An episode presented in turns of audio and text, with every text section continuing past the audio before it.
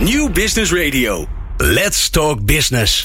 Met nu People Power met Glen van der Burg. People Power is een programma over de kracht van mensen in organisaties. Met interviews en laatste inzichten voor betere prestaties en gelukkige mensen. Deze week gaat Glen van der Burg in gesprek met. Eva van Zelm is de gast. En dat is ze omdat wij eigenlijk beginnen aan weer iets nieuws. Ja, het is, eh, de zomer is net begonnen eigenlijk. Ik wou hij is voorbij, maar hij is nog helemaal niet voorbij. Als ik naar buiten kijk, dan is hij net begonnen.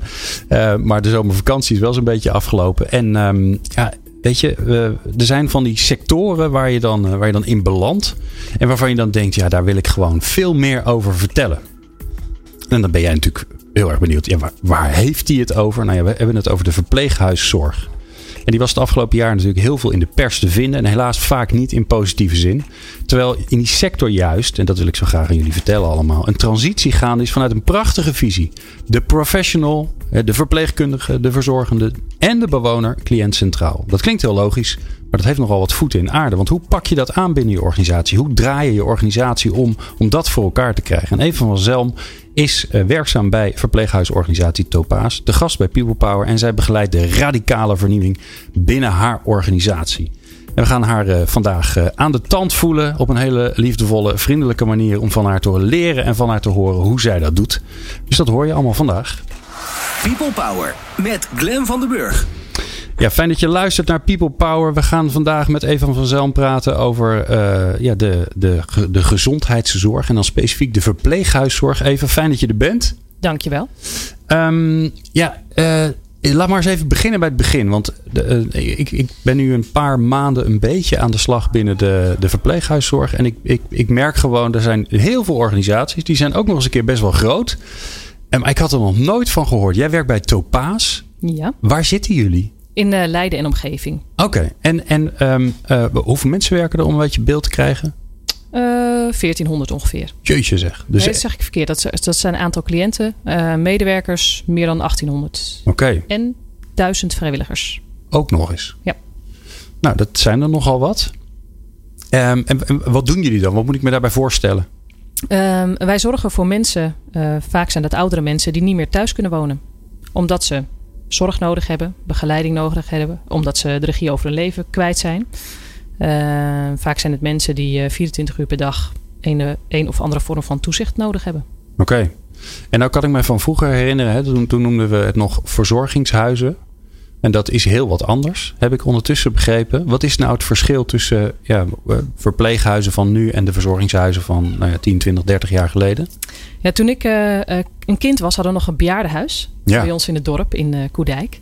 Uh, ik heb me wel eens laten vertellen bij een van mijn vorige werkgevers dat daar uh, tegelijkertijd zowel een moeder als een dochter zijn komen wonen in een van de bejaardenhuizen. Want die dochter die werd 60 en die moeder die was toen, nou laat het ergens in de 80 zijn geweest. En die zijn toen samen daar, uh, daar komen wonen. Ja.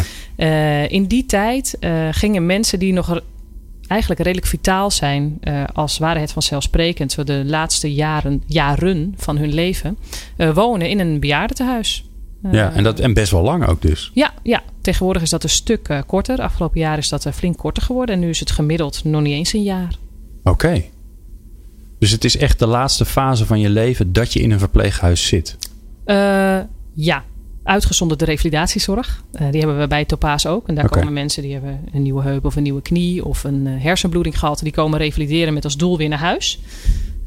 Nou, die mensen uitgezonderd komen mensen bij ons eigenlijk om te sterven. Ja, jeetje zeg.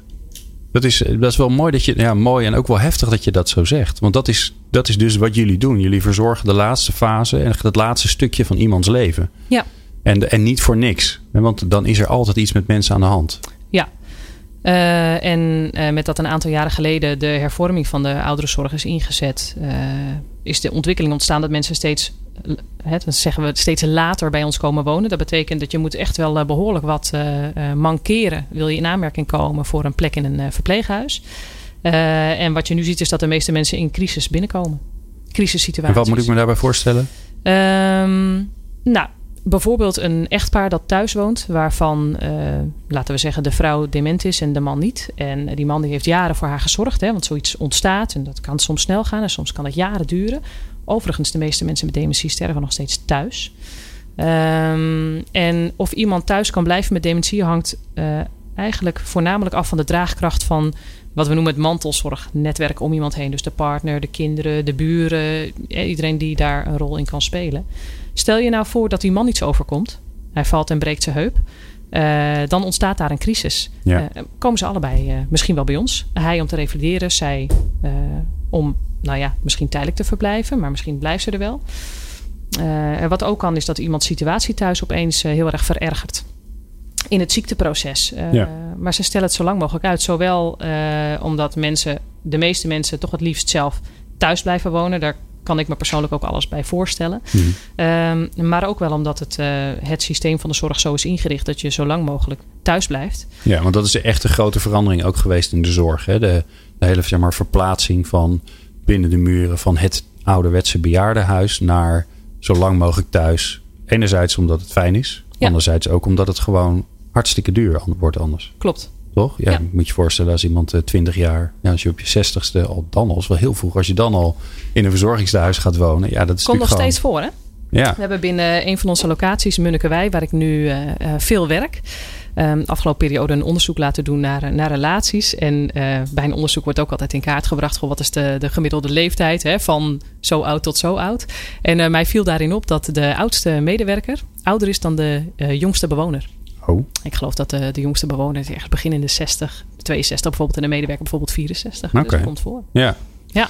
En ik kan me dan heel goed voorstellen dat, hè, wat je zei, uh, veel mensen worden opgenomen vanuit een crisissituatie. Hè. Het gaat niet langer. En dan moet het ook van vandaag op morgen geregeld worden. Ja. Dan kun je niet zeggen, oh, we hebben over twee maanden hebben we plek. Nou, dat kan sowieso niet. Uh, want als wij een plek hebben, uh, dan kost het ons geld, om het zo maar te zeggen. Dus hoe het werkt, is op het moment dat er een plek vrijkomt. En ik vind dat uh, persoonlijk altijd een soort van bizar om het te realiseren. Want dat betekent dat er iemand overlijdt. Ja, en die ja. heeft daar een poos gewoond met al zijn of haar spulletjes en ervaringen in die laatste fase van het leven. Um, dat zien we soms wel een beetje aankomen. Hè? Dus um, als, als mensen in aanmerking komen voor een plek in een verpleeghuis, hebben we wel al contact met die mensen. En die geven we alvast zoveel mogelijk informatie. En wij willen diegene alvast zoveel mogelijk leren kennen. Wat is voor jou belangrijk? Waar moeten we straks rekening mee houden? En op het moment dat er een plek vrijkomt, dan uh, ja, is het wel een kwestie van een paar dagen vaak uh, dat iemand verhuist naar Ja. een van de locaties van in dit geval Topaas. Ja. Ook heftig voor een bewoner, kan ik me voorstellen. Super voor een heftig. nieuwe bewoner. Ja. Ja, en voor de familie. Ja.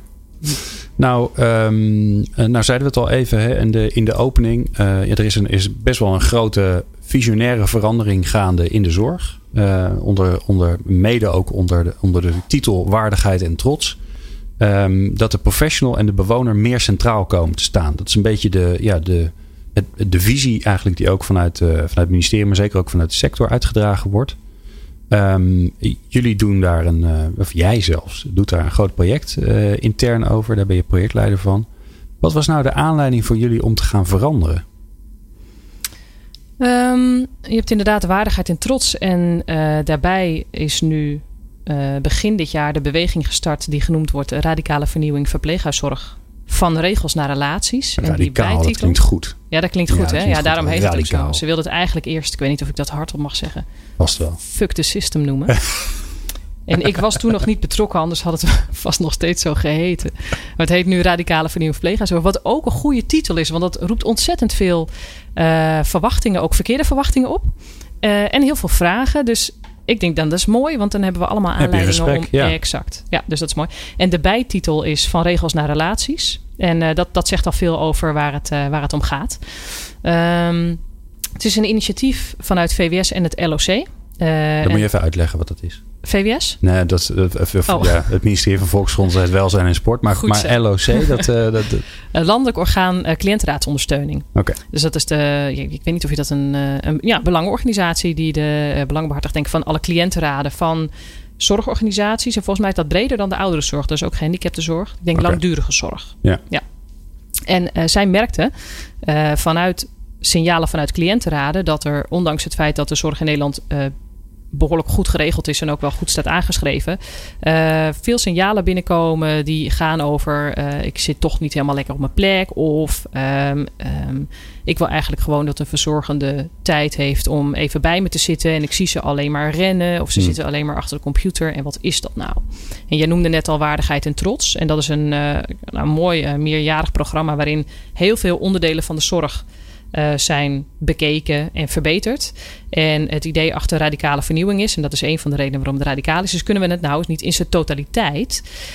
Als we helemaal teruggaan, of heen, net hoe je het wil zien, naar de kern van waar gaat het nou om voor iemand die woont in een verpleeghuis en de mensen die daarmee te maken hebben.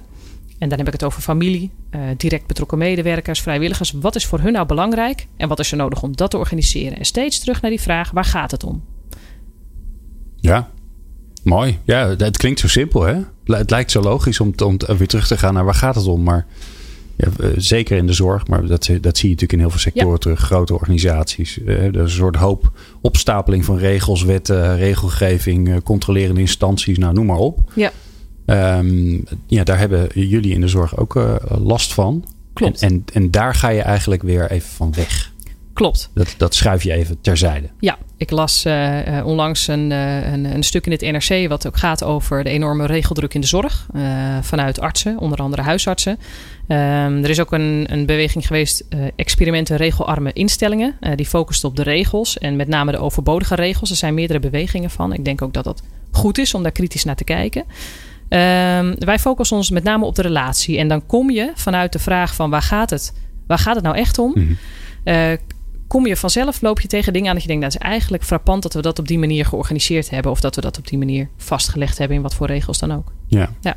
ja. En, en als je nou kijkt naar wat er dan, ja, dat klinkt altijd een beetje onaardig, maar wat er, ja, wat er, wat er, wat er schortte, wat, wat kreeg je terug van cliënten, wat kreeg je terug van, van, de, van, de, van mensen op de werkvloer, van de mensen die het echte werk doen. Wat, wat gaven ze dan aan? Dat ze zeiden van ja, dit, dit vinden we niet fijn. Hè? Je, gaf, je zei al even, de, de, aandacht is, al, is er één van. Ja, we zitten er middenin. Hè? Dus ze geven het eh, steeds in meerdere mate aan. Want wat wij proberen te doen is het normaal maken dat we het daarover hebben met elkaar.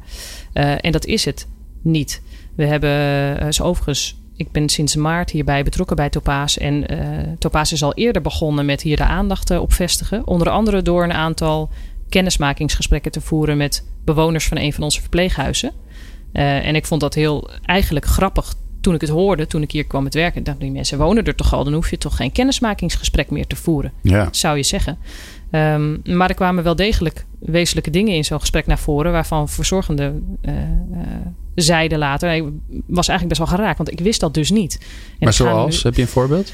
Ja, uh, zeker. Er was, uh, wat mij dan weer het meest geraakt heeft, wat ik daarvan gehoord heb, is dat er één dame is die, um, waarvan het een tijdje duurde voordat ze ging praten. En dat was ook herkenbaar voor hoe ze haar uh, kende. Dus uh, wat ik dan terug hoor is, we moesten even zoeken naar de ingang. Hè? Mm -hmm. Dus hoe maak je contact? Dat kost dus tijd. En ze hebben voor dat gesprek een uur uitgetrokken. Nou zegt dat het een half uur geduurd heeft. Ik geloof dat het zelfs nog wat, uh, wat langer was. Ja, die tijd die is er op een dag normaal gesproken en niet. duurde een, een, minimaal een halve voordat er wat uitkwam eigenlijk. Dat, ja, hè, dus even tussen aanhalingstekens. Ja, ja. De ingang was gevonden. Ja. Toen die eenmaal was gevonden, was een van de dingen die die mevrouw aangaf. Uh, nou, nu je het me toch vraagt, uh, zou ik het wel fijn vinden dat als jij mij een vraag stelt, dat je dan wacht tot ik antwoord heb gegeven. En ik wil dat je het me steeds opnieuw vraagt. Uh, want het wisselt nog wel eens. Oké. Okay. En dan denk ik, stel je voor hè, dat je je bent nu gezond, je bent fit, je doet dingen die je leuk vindt. En op enig moment ga je steeds meer dingen verliezen. Uh, en dan kom je in de situatie terecht dat je, het gaat gewoon niet meer. Crisis. Je moet verhuizen naar een plek waar ze voor jou kunnen zorgen. En als je dan gevraagd wordt van, goh, heb je nog hè, wat, wat wensen? En dit is wat eruit komt. Uh, vind ik echt best wel heftig. Ja, ja. En in de, in de hectiek van de dag is er dus eigenlijk de tijd niet om die dame rustig uit te laten praten te wachten tot het antwoord er is, maar wordt er, wordt er een soort van opties gegeven en, en wordt er ingevuld, want je moet weer door. Het zijn denk ik verschillende dingen. Het is sowieso niet simpel uh, en sowieso niet uh, één oorzaak. Uh, anders hadden we niet nu zoveel aandacht ervoor. Mm. Hè? Um, maar ik denk dat wat jij nu zegt, dat dat zeker een rol speelt. Want als je werkt op, nou ik noem het maar even de, de werkvloer, zeg maar. Hè? Dus in de zorg als verzorgende, als verpleegkundige, als helpende, als gastvrouw, als vrijwilliger. Dat maakt eigenlijk niet eens zo heel veel uit. Zorg je altijd voor meerdere mensen tegelijk. ben uh, een poosje geleden een ochtend meegelopen. En um, ik heb echt heel veel respect sowieso voor mensen die dat doen. Want wat er gebeurt is, je, nou ja, je bent bijvoorbeeld iemand aan het helpen met uh, opstaan uit bed. Dus wassen. En goh, wat wil je dan aan vandaag? En wat wil je eten? Heb je plannen of zo? En ondertussen hoor ik heel tijd ergens verder op de gang. Zuster, zuster, zuster, zuster, Mhm. zuster, zuster. Ik word dan helemaal... Ik, moet ik nou hier of moet ik nou daar? En toen op een gegeven moment werd mij gevraagd... joh, wil jij even de passieve lift halen? Nou, dat lijkt me een enig experiment. Ik ga even de, even de passieve lift halen. Kwam ik terug, zei degene, de man voor wie die lift was... nou, je kan wel merken dat zij niet in de zorg staat. Ik was dus veel te lang bezig geweest met de passieve lift halen. Dat kwam niet omdat die lift zo passief was... maar dat kwam omdat Jij die was lift... passief. Nou, ik- dat uh, nou, hebben we dan in de volgende uitzending over. Nee, hoor, dat kwam omdat die lift stond op de kamer bij een mevrouw. En ja, ik, ik klop aan, ik kom binnen, ik stel een vraag. Oh, ik, nou, ik leg uit waarom ik dan die lift meeneem. En ik loop weg en zegt ze, oh, zou je eventjes dat bordje voor mij willen afspoelen? Ja, ik zeg ook niet nee. eh, hè, Zoek het uit. Doe, Ja. Precies, doe even lekker zelf jouw bordje, eigen regie, dit en dat. Dus ik, nou, dat bordje en ik kom terug met die lift. Veel te lang over gedaan. En die man die zat weer te wachten op die lift. Nou, dat hè. ja. Dus, en dat Ja. is de dagelijkse realiteit.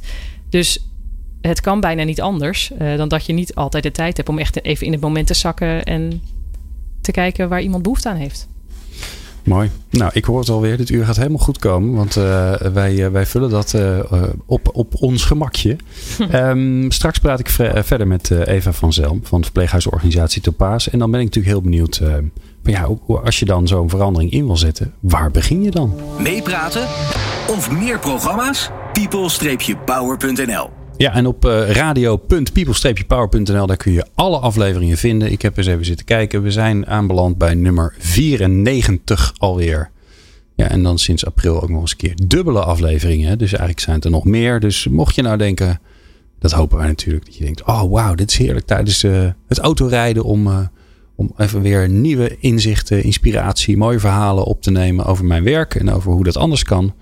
Dan heb je nog behoorlijk wat kilometers te rijden met die 94 uitzendingen. Ehm, in de studio hebben wij eh, Eva van Zelm. Zij is van verpleeghuisorganisatie Topaas. En we hebben het over de, ja, over de veranderingen eh, in die hele sector. En het mooie is dat zij begeleidt die verandering bij Topaas zelf. Eh, dus we gaan met haar, we praten met haar over ja, waarom dat nodig is. En dat hebben we eigenlijk al gehad. Maar vooral ook, hoe doe je dat dan? Dus Eva, nou, even lekker voor het blok hè. Je, je hebt, jullie hebben bedacht, eh, dit is belangrijk. We willen dat gaan doen. We willen cliënten centraal, willen me- medewerkers, collega's, professionals, hoe je ze ook wil noemen, die willen we weer meer de ruimte geven. En dan? Hoe begin je dan? Ja, eh, ergens. Oh, dat is toch, ja. Ja, nou, dat is best wel wezenlijk hoor, om te beginnen. En want je kunt ook heel lang eh, blijven nadenken over hoe je het gaat doen. En niet beginnen. En als je niet begint, dan doe je ook geen ervaringen op en confrontaties met je ideeën met de realiteit. En dan leer je daar ook niet van. Hè? Dus beginnen is gewoon, dat echt wel een goed idee. ik, Ehm, vond, ik vind het ook een goed idee hoor, trouwens. Beginnen. Ja, Ja. ja maar, maar jij zegt beginnen en niet zomaar beginnen, maar beginnen in de realiteit. Dus Ja. niet eerst heel veel plannen maken. Exact, ja. Ik, eh, toen ik kwam in maart was, eh, was er al gestart, ik eerder aangegeven. Ehm, en er was gestart met een bepaalde visie. Ehm, die is geïntroduceerd en er zijn een aantal interventies eh, eh, gepleegd.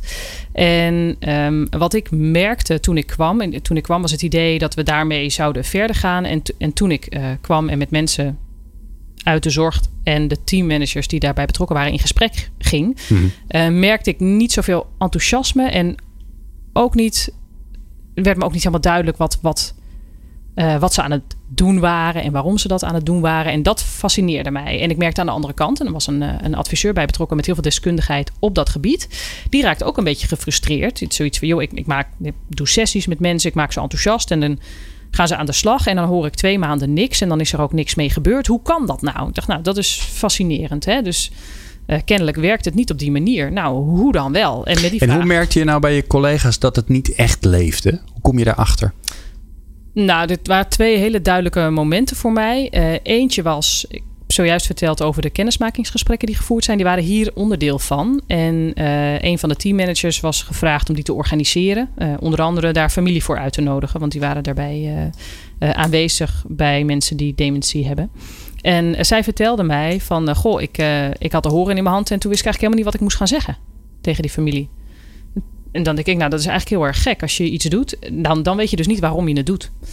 En dan, ja. Dan is het niet van jou. Precies. Dus en dan, ja, gevoelsmatig bij mij klopt er dan iets, uh, iets niet. Dat was eentje. En een ander was, uh, we waren bezig met veranderingen in, um, in het zorgdossier. En een van de onderdelen daarvan was uh, um, dingen in de ik-vorm zetten.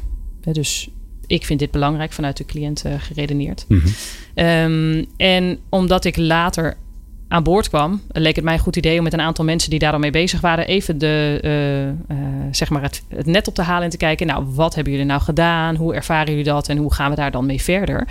Uh, en in dat gesprek kreeg ik um, niet zozeer enthousiaste reacties van, goh, we hebben het zus geprobeerd en we hebben die ideeën, maar meer van, ja, goh, ik werk al jaren in de zorg en ik heb al zoveel keer die dossiers allemaal aangepast, dan moet ik weer al die dossiers aanpassen. Ja, ja, dus dat, dat moet.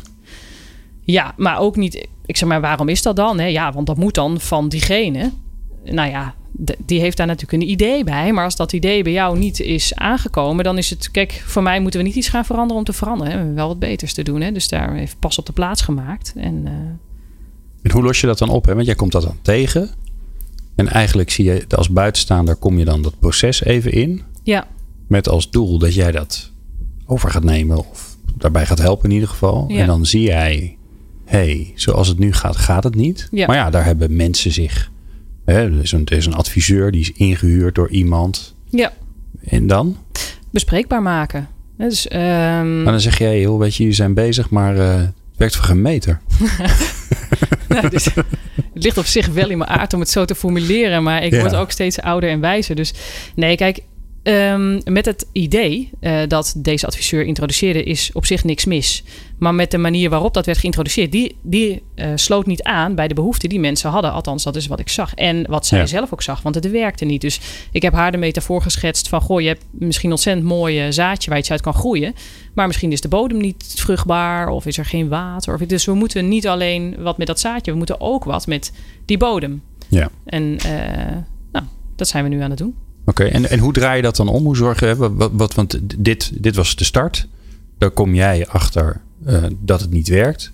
En dan, dan stop je daarmee. Of in ieder geval verander je dat. En hoe, hoe verander je dat naar iets wat wel gaat werken? Ja, wat, wat denk ik heel erg belangrijk is, en sowieso een rode draad voor ons in dit hele verhaal, is dat je goed nadenkt uh, en met elkaar praat over wat je doet en waarom je de dingen doet. En Topaas is een organisatie in de ouderenzorg waarin sowieso al heel veel is gereguleerd. En Topaas is daar ook nog eens heel goed in. Dus heel veel is netjes geregeld. Oké. En dat heeft voordelen. Hè? Dus je weet precies waar je aan toe bent. Er is een duidelijke taakverdeling. Maar het heeft ook nadelen. Uh, en dat is heel normaal. Want het nadeel van als iets geregeld is, is dat je er niet meer zo over hoeft na te denken.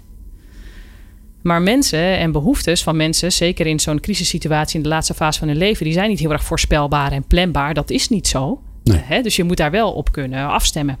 Uh, en dan is het handig als je wel sensitief blijft en blijft nadenken. Uh, als medewerker. En vervolgens dus ook als manager van die medewerker, zodat jij weer kunt aansluiten bij wat die medewerker nodig heeft. Um, het lijkt me hartstikke lastig, want je, je, je zit dus in een organisatie waarbij de buitenwereld zegt regels zijn belangrijk. Um, en waarbij de, uh, de eigen organisatie daar, daar heel goed in is geworden. Dus die zijn heel goed geworden in automatisme, in dit is mijn stukje, dit is jouw stukje, jij doet dit, ik doe dat. En nu, nu wat, je eigenlijk wil, is dat mensen weer gaan denken: ja, waarom eigenlijk? Waarom doe jij dit en ik dat? En, en kunnen we dat niet anders doen en beter doen, slimmer doen? Dus je, je, je wil ze eigenlijk verleiden om af te wijken van datgene wat ze altijd al jaren hebben gedaan. Uh, ja, ik denk dat dat zo is. En uh, het is vooral lastig om met elkaar daar een werkende weg in te vinden. En het is vooral heel erg intensief. Het is misschien. Ik, ik weet echt niet of het heel lastig is. We zitten ook relatief nog aan het begin van uh, die hele transitie. Um, maar wat ik wel veel tegenkom, is dat mensen uh, zich verbazen over uh, waarom gaat het nou eigenlijk zo? Of dat is toch eigenlijk gek? Of geluiden als van ja, nou hebben ze dat verzonnen. Pff, kan helemaal niet, weet je wel. Dat zijn hele duidelijke aanleidingen om in gesprek te gaan van hé, hey, maar hoe zit dat dan? En wat is dan eigenlijk, waar gaat het dan eigenlijk wel om? Ja. Wat is er dan eigenlijk nodig? Nou, wie moeten we daarbij betrekken? En kunnen we daar dan eens met elkaar over hebben? Um, het is aan de ene kant heel simpel. En aan de andere kant is het gewoon heel weerbarstig. Dat is het eigenlijk wel. Er komt ontzettend veel bij kijken. Ik merk uh, met de mensen waarmee we daar nu mee bezig zijn... om te proberen op die manier uh, alles aan te vliegen... Um, dat we steeds in oude patronen stappen. Hmm. Helemaal in het begin Ehm, toen ik die evaluatie waar ik net over vertelde, over die dossiers wilde organiseren, vroeg ik aan de teammanager, ik, ik ken daar niemand, van goh, wie zullen we daarbij betrekken? Zei ze, nou, ik denk uh, die, die en die. Dus nou, willen die dat ook? Oh, nou, ik mail ze wel even. Nou, misschien is het een idee om het even ja, te vragen, hè? want um, jij bent hun baas en waarschijnlijk als je het uh, mailt en vraagt en zijn plichtsgetrouw, dan komen ze ook nog. Maar ik vind het ook belangrijk dat ze er wat mee hebben. Oh ja, oh ja, oh ja. Nou, moet misschien ook wel even met ze in gesprek. Ja. Hey, en um, um, we hebben ondertussen is mijn fijne collega Doekes ook aangeschoven. Die was een beetje laat, want die, uh, die miste de trein. Dat kan je wel eens hebben. Maar, uh, maar hij is ondertussen. Ja, daarom. Ja, nee, maar dat is niet. Hij wist nooit de boot. Wel eens de trein, maar nooit de boot. Maar die is aangeschoven en de Doekes die kletst gezellig mee. Dus uh, hij heeft een vraag, zo te zien. Ja, Welkom, ik, Doekes. Ik, ik, ja, dankjewel. Uh, ik heb een vraag, want uh, ik, ik hoor je erover vertellen. En ik, uh, nou, ik vind je heel vakkundig in hoe je erover vertelt. Hoe je het... Um, nou ja, hoe je al, je al je uitdagingen aangaat. Maar het is, het is wat je zegt ook een weerbarstig proces. Dus hoe hou je dat op de lange termijn vol? Waar hou je, hoe zorg je ervoor dat je het volhoudt? En waar, hoe, hoe waarborg je je eigen energie daarin? Oeh, een goede vraag zeg. Daarvoor is hij er. Ja, ja, ja. goed hè? Ja, dat is, precies. Gelukkig had je je trein gemist. Dan ging in elk geval het eerste deel van de uitzending nog redelijk soepel. Nee hoor, grapje. Nee, het is een hele het vraag die mij ook, uh, ook erg bezighoudt. Uh, het is uh, intensief. Niet alleen voor mij overigens, hè, dus voor alle mensen die daar nou bij, bij betrokken zijn. En dat is dus ook een onderwerp van gesprek. Een van de dilemma's die we nu tegenkomen is dat de nou, zeg het maar, de oude realiteit en de nieuwe realiteit zich tegelijkertijd voordoen. Dus we hebben een idee over dat we in gesprek willen komen met de mensen die het betreft. Hè, dus mensen die daar wonen en familie. Om het te hebben over, nou, waar gaat het nou eigenlijk over? En tegelijkertijd wordt nog steeds bestookt met... kun je de rapportage over dit aanleveren? Je hmm. moet een veiligheidscommissie instellen. Je moet dit, je moet dat. Uh, kom ik op mijn werk, staat de inspectie op de stoep. Volgende dag de HKZ-audit. Het is er allemaal tegelijkertijd. Hè? Dus met name de teammanagers, je loopt gewoon over de schoenen. Dat is wat er, dus daar hebben we het over. Van, ja, hoe gaan we daar dan uh, mee om? Want we moeten er wel mee dealen. Ja, en jij? Want uh, Doekers vroeg naar, naar hoe jij dat doet. Ja, hoe ik dat doe. Ja, je dacht ik kom weg, maar mooi niet. Ja, dat is dan jammer dat jullie met z'n tweeën zijn. um, kijk, ik denk work hard, rest hard. Um, nou, laten we vooropstellen dat ik, ik vind mijn werk sowieso leuk om te doen. En hopelijk doe ik het zeg maar goed. Hè? En als het zo is dat ik het goed doe, dan is het ook belangrijk dat ik dat kan blijven doen. Ja. Dus niemand is erbij gebaat dat mijn concentratie achteruit gaat. Of dat ik over de kop ga of wat dan ook. Dus moet ik dat ook bewaken. En daar ben ik heel erg bewust mee bezig. Dus op tijd uh, stoppen. En soms als, uh, als het me te veel wordt of ik merk dat ik het overzicht kwijt ben, dan had ik voorheen nog wel eens de neiging om uh, krampachtig door te gaan. En nu ga ik wel eens een wandelingetje maken, dorp in. Naar, het zit een, uh, een Italiaanse ijsalon met mm. super lekkere koffie. Noordwijkerhout kan iedereen aanbevelen. En dan ga ik even koffie drinken. Ga ik even rustig nadenken. En als ik denk het gaat weer, ga ik weer terug. Bijvoorbeeld. Kijk, ja. Mooi. Ja. Alright. Ik ben straks benieuwd, want ik kan me ook voorstellen dat je, want het is intensief, maar ik kan me ook heel goed voorstellen dat, eh, dat, je, dat je, als er resultaten uh, zijn, dat, dat, dat het prachtige dingen oplevert. Prachtige voorbeelden van wat dat dan, ja, dat je gelijk de betekenis ziet wat je voor elkaar krijgt als je die cliënt en die professional echt op elkaar laat aansluiten en met elkaar laat praten. En dat hoor je straks. Van hippe start-up tot ijzersterke multinational. Iedereen praat mee op New Business Radio. We praten over de verpleeghuiszorg en alle veranderingen die daar plaatsvinden. En uh, fijn is dat altijd, want dan voordat je het weet wordt het heel, heel erg algemeen en zo. Maar wij hebben het over de veranderingen bij Topaas en van de verpleeghuiszorgorganisaties in Leiden uh, werken zo'n uh, eh, 1800 mensen. Zo'n beetje, vertelde je. En Evan van Zelm is de gast. En die, um, ja, die mag daar helpen om de verandering voor elkaar te krijgen. En dat heet dan projectleider. Zeker. Ja, we hadden het uh, voor, de, voor, de, uh, voor Gavin de Graal, uh, voor het plaatje even over, over jouw eigen energie. En ik vroeg me nou af, hè, want je bent sinds maart bezig. Dat is natuurlijk nog niet zo heel lang. Maar um, ja, veranderen is lastig, hoor je dan altijd. En ik geloof dat dat ook best wel zo is. Als jij nou even terugdenkt naar de afgelopen periode, wanneer had jij dan, heb jij iets gedaan, hè? een gesprek gevoerd, interventie noemen we dat dan heel stoer, en dat er iets uitkwam dat je, dat je echt gewoon met een, nou je begint nu al, is nu al een big smile op gezegd, dat je met een big smile naar huis ging, dat je dacht, yes, dit is het.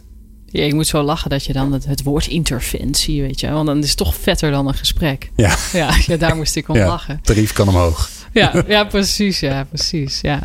Ehm, het gebeurt regelmatig. En uh, dat gebeurde eigenlijk vanaf het begin af aan al. Dat ik um, uh, af en toe momenten heb. Ik denk, ja, precies. Dit voelt goed. Heel veel. Um, ik hoorde het laatst ook iemand. Volgens mij was het Andries Baart. Heeft een mooi essay geschreven. Ook bij het nieuwe kwaliteitskader.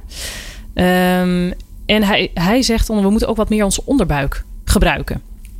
En doe ik in mijn werk ook. En nou ja, misschien dat je dat wel herkent. Ik heb dat in elk geval heel sterk. Soms gaat het echt, kost het, dan loopt je energie zo weg. Gaat allemaal moeilijk. En je denkt, wat doe ik hier? En soms is het, nou, daar krijg je geen genoeg van. En dan gaat het helemaal ja. leuk. En nou wil jij natuurlijk weten van... Uh, goh, Wanneer dan, hè? Exact. Dus een concreet voorbeeld. Ja. Nou, ik sprak uh, voor afgelopen drie weken vrij geweest. Maar vlak daarvoor nog een medewerker in, in Munnikenwei. Die kwam naar mij toe en zei: Ik ben zo blij. Ik ben gewoon zo blij met het hele van regels naar relaties. En dan, eerste wat ik dan denk is: Dat is leuk, want ik weet eigenlijk niet precies wat het is, weet je wel. Dus dat vind ik echt leuk dat iemand ook dan er blij mee kan zijn. Um, maar waarom is het nou blij mee? Het is een heel goed excuus om, uh, om kritische vragen aan elkaar te stellen. En om ook eens andere dingen te doen. Dus zeg: Wat heb ik nou gedaan? We hebben een echtpaar wonen en die wilde een kleinzoontje. Nou, het, niet, zo concreet was het niet eens. Dus ook nog zoiets. Als mensen bij ons komen wonen, die stellen zich ontzettend bescheiden op. Hè? Want kom je daar wonen, je gaat je toch een beetje voegen naar hoe het gaat. Dus die meneer die vertelde, heb ik van horen zeggen, ik was daar niet bij. Wat indirect van, goh, het is onze kleinzoon. Ja, hij zou, zou, het wel leuk vinden om hier een keertje te logeren, maar dat kan natuurlijk uh, niet. En uh, toen zei een, uh, een collega van, nee, nee, nee, nee, dat is jammer. Zijn ander, ja, maar waarom dan eigenlijk niet? Ja, ja, waarom dan eigenlijk niet? Ja, we doen het gewoon wel. Het is er zelfs later nog teruggaan. Ik was serieus hoor. Ik meen het echt. Het kan heus wel. En de collega's hebben onderling dan met elkaar gesprek van... ja, maar wie gaat het jongetje dan wassen? Nou, dat komt heus wel goed.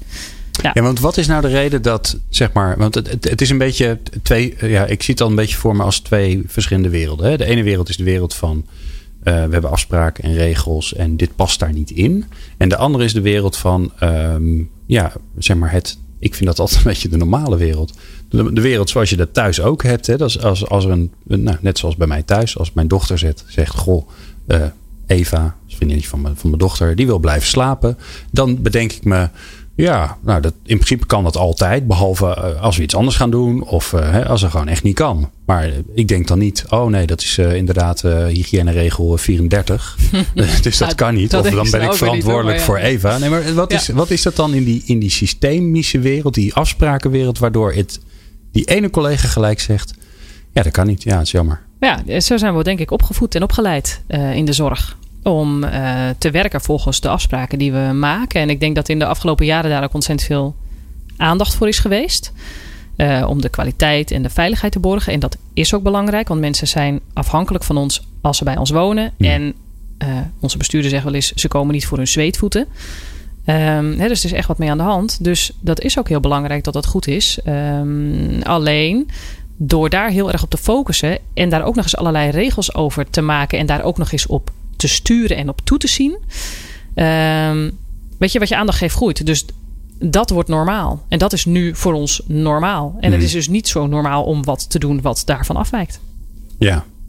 En is het dan ook zo, want dan kan ik, ga ik een beetje invullen. Maar ik kan me ook voorstellen dat dat als je het dan niet weet, hè, of het wel kan, mag, uh, past, dat je dan denkt: nee, want ik weet het niet zo goed. In plaats van ja, want ik weet het niet zo goed. Ja, dat is toch. Een wereld van verschil. Volgens mij toch? Die zegt van ik heb het nog nooit gedaan, dus ik denk dat ik het wel kan. Ja, ja. Um, ik denk dat je gelijk hebt. Um, want wat ik wel hoor is. Um, en, en dat verschilt ook weer per locatie en per medewerker enzovoort en zo verder. Maar, maar ik hoor wel mensen zeggen van ja, goh, ik ben toch bang dat ik er gelazer mee krijg. en wat is dan gelazer? Wat gebeurt er dan? Ja, dat, nou, dat is een goede vraag. Ja. Ja. Dat weet ik eigenlijk niet. Nee. Nee. En uh, dat kan ook best iets zijn uit het verleden wat toen gebruikelijk was wat er gebeurde en nu niet meer. Hè? Dus een ja. vorige manager die, die een bepaalde manier van sturing geven, hanteren of iets. Maar ik hoor het, ik hoor het mensen wel zeggen. Ja. ja. Ik wil straks uh, van je horen, um, uh, want het is dan gelijk het laatste blokje, zo hard gaat het alweer. Ik wil straks heel graag van je horen um, hoe jij er dan voor zorgt dat je die ban breekt. He, dat, je, dat je ervoor zorgt dat, dat je mensen verleidt, meekrijgt, uh, meeduwt, trekt, nou, noem het op om, om het toch anders te gaan doen. People Power met Glen van den Burg. wij praten met Eva van Zelm. Zij is bij ons in de studio van het, uh, het bedrijf, wilde ik zeggen. Dat is helemaal niet zo. Hè? Dat klinkt zo, zo koud. Nee, de zorgorganisatie in de verpleeghuiszorg Topaas te Leiden. Um, grote club, 1800 mensen um, ja, staan voor een interessante verandering. Ja, wie niet tegenwoordig, hè? maar zeker ook in de verpleeghuiszorg. En dan is ook gelijk weer het maatschappelijke effect zo ongelooflijk aanwezig. Want uiteindelijk willen we de beste zorg voor onze ouderen in hun laatste jaren van hun leven. Uh, Eva, we, we, hebben er al, we hebben er al aardig wat op zitten. Uh, ik wil heel graag van je weten. ja, mensen zijn gewend om op een bepaalde manier te werken. Um, dat was allemaal wel prima. En nu, nu is het idee dat het, dat het beter, anders, mooier, glimmender, mensgerichter enzovoorts kan. Wat doe jij om, ja, om, om die beweging te veroorzaken? Ik denk dat ik het meeste tijd besteed aan het stellen van vragen. Ik denk, denk dat dat de belangrijkste activiteit is. En, hoe, en hoe, zie, hoe ziet dat eruit? Waar ben je dan? En met wie ga je dan? Ja, ik moet lachen, want jij doet zelf ook niets anders. Hè, nee, dat klopt. Ik dacht al. Dus als iemand weet hoe dat eruit ziet.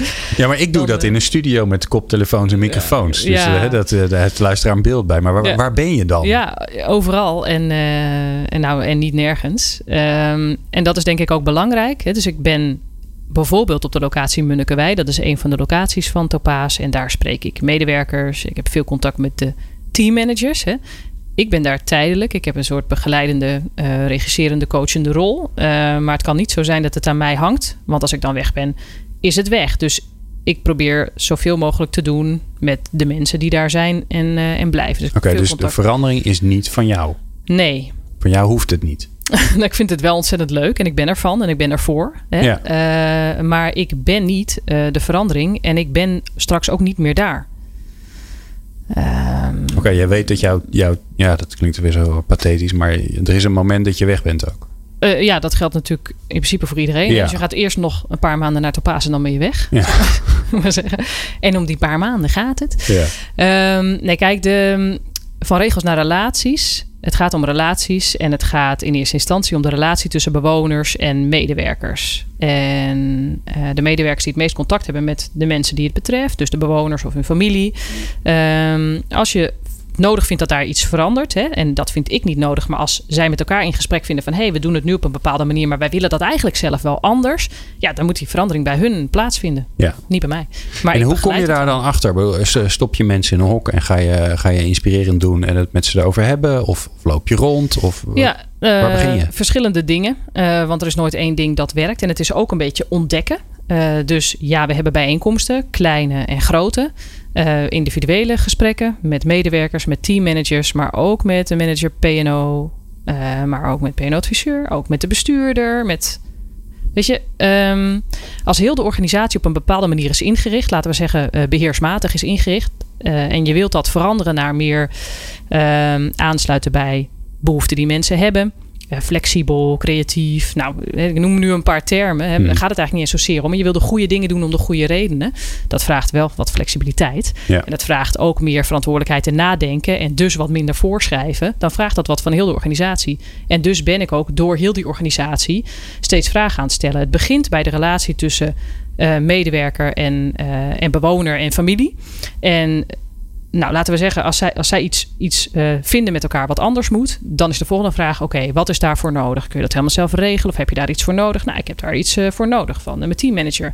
Kan hij dat regelen of heeft hij iets nodig? En zo raakt het uh, ja. zoetjes aan alles. Je noemde al het voorbeeld van de, hè, de, het, de, het echtpaar die ik ga ervan uit dat ze getrouwd zijn trouwens. Dat hoeft helemaal niet. Maar in ieder geval een man en vrouw. Hè, dat, vanuit, ja, maar, man ja. en vrouw. Misschien wonen ze wel samen. Maakt niet zo uit.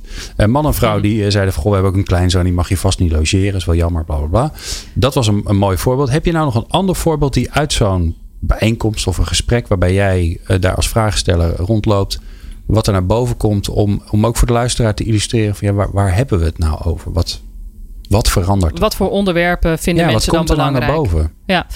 Ja. Um, het zijn veel verschillende onderwerpen en die staan niet zo ver af waarschijnlijk van wat voor jezelf ook belangrijk is. Um, een van de onderwerpen die we onlangs bij de kop hebben gehad is het, nou ik noem het maar het verhuisproces. Het. Je woont thuis en je realiseert je het gaat niet meer. En even later woon je op een uh, zorgvoorziening van Topaas en heb je je plek gevonden. En daartussenin gebeurt van alles. Ja.